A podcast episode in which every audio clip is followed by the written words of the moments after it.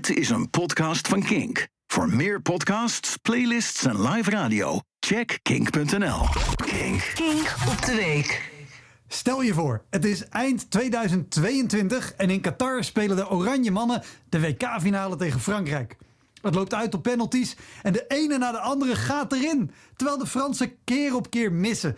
Alsof ze op een woelige zee proberen te kakken in zo'n goor hurktoilet. Gadverdamme. Oranje wordt uitgeroepen tot wereldkampioen. En de confetti spuit alle kanten op. Fun fact, in Qatar was de confetti gemaakt van versnipperde paspoorten van onderbetaalde bouwvakkers. Iedereen wordt helemaal gek. We zijn wereldkampioen!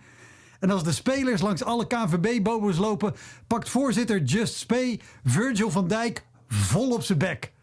Alsof in een film de naald van een LP wordt getrokken, valt het stadion stil en iedereen bevriest.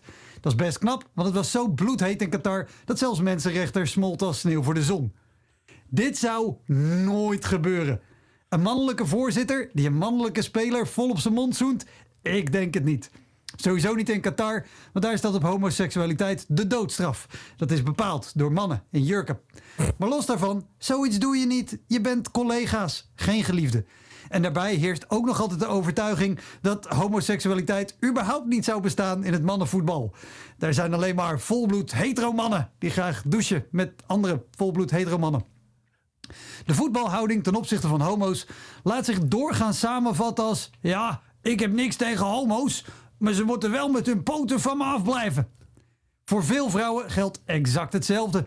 Ze hebben niks tegen hetero's, maar ze moeten wel met hun poten van me afblijven. Dat de Spaanse voorzitter Rubiales de speelster Hermoso volop haar mond, zoende, is net zo raar als wanneer de KNVB-baas Virgil van Dijk zou zoenen. En dat er een filmpje uit de spelersbus is opgedoken waarbij het team er wat lacherig over doet, maakt geen zak uit. Wat denk je, als Virgil gezoend was? Dat de hele bus niet lacherig zou scanderen. Zoenen, zoenen.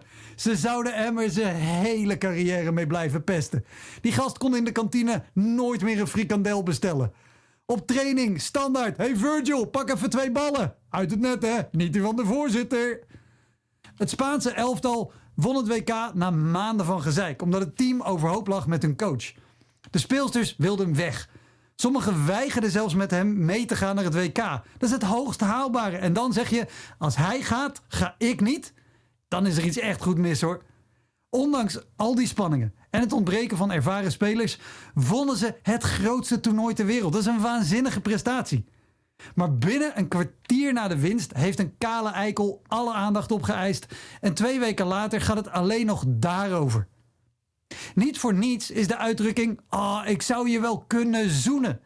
Waarmee je zegt: Ik ben onwijs blij, ik zou je wel kunnen zoenen, maar ik ben me nog steeds bewust van sociale normen, dus ik doe het niet. Omdat sociale normen voor heel veel mannen ingewikkeld zijn, heeft Spanje sinds vorig jaar een wet omtrent seksueel geweld die zegt: Solo si es si. Alleen ja is ja. En dus niet solo que sí es sí, pero por lo demás también cuenta un video divertido del autobús. Alleen ja is ja, maar anders stelt een lacherig filmpje uit de bus ook. Het is heel simpel. Behandel vrouwen op het sportveld en zeker ook daarbuiten gewoon hetzelfde als mannen. Daar zit toch geen woord Spaans bij? Solo si. Het klinkt als de nieuwe hit van Jody Bernal, maar wees gerust. Jody heeft geen nieuwe hit. Gelukkig maar.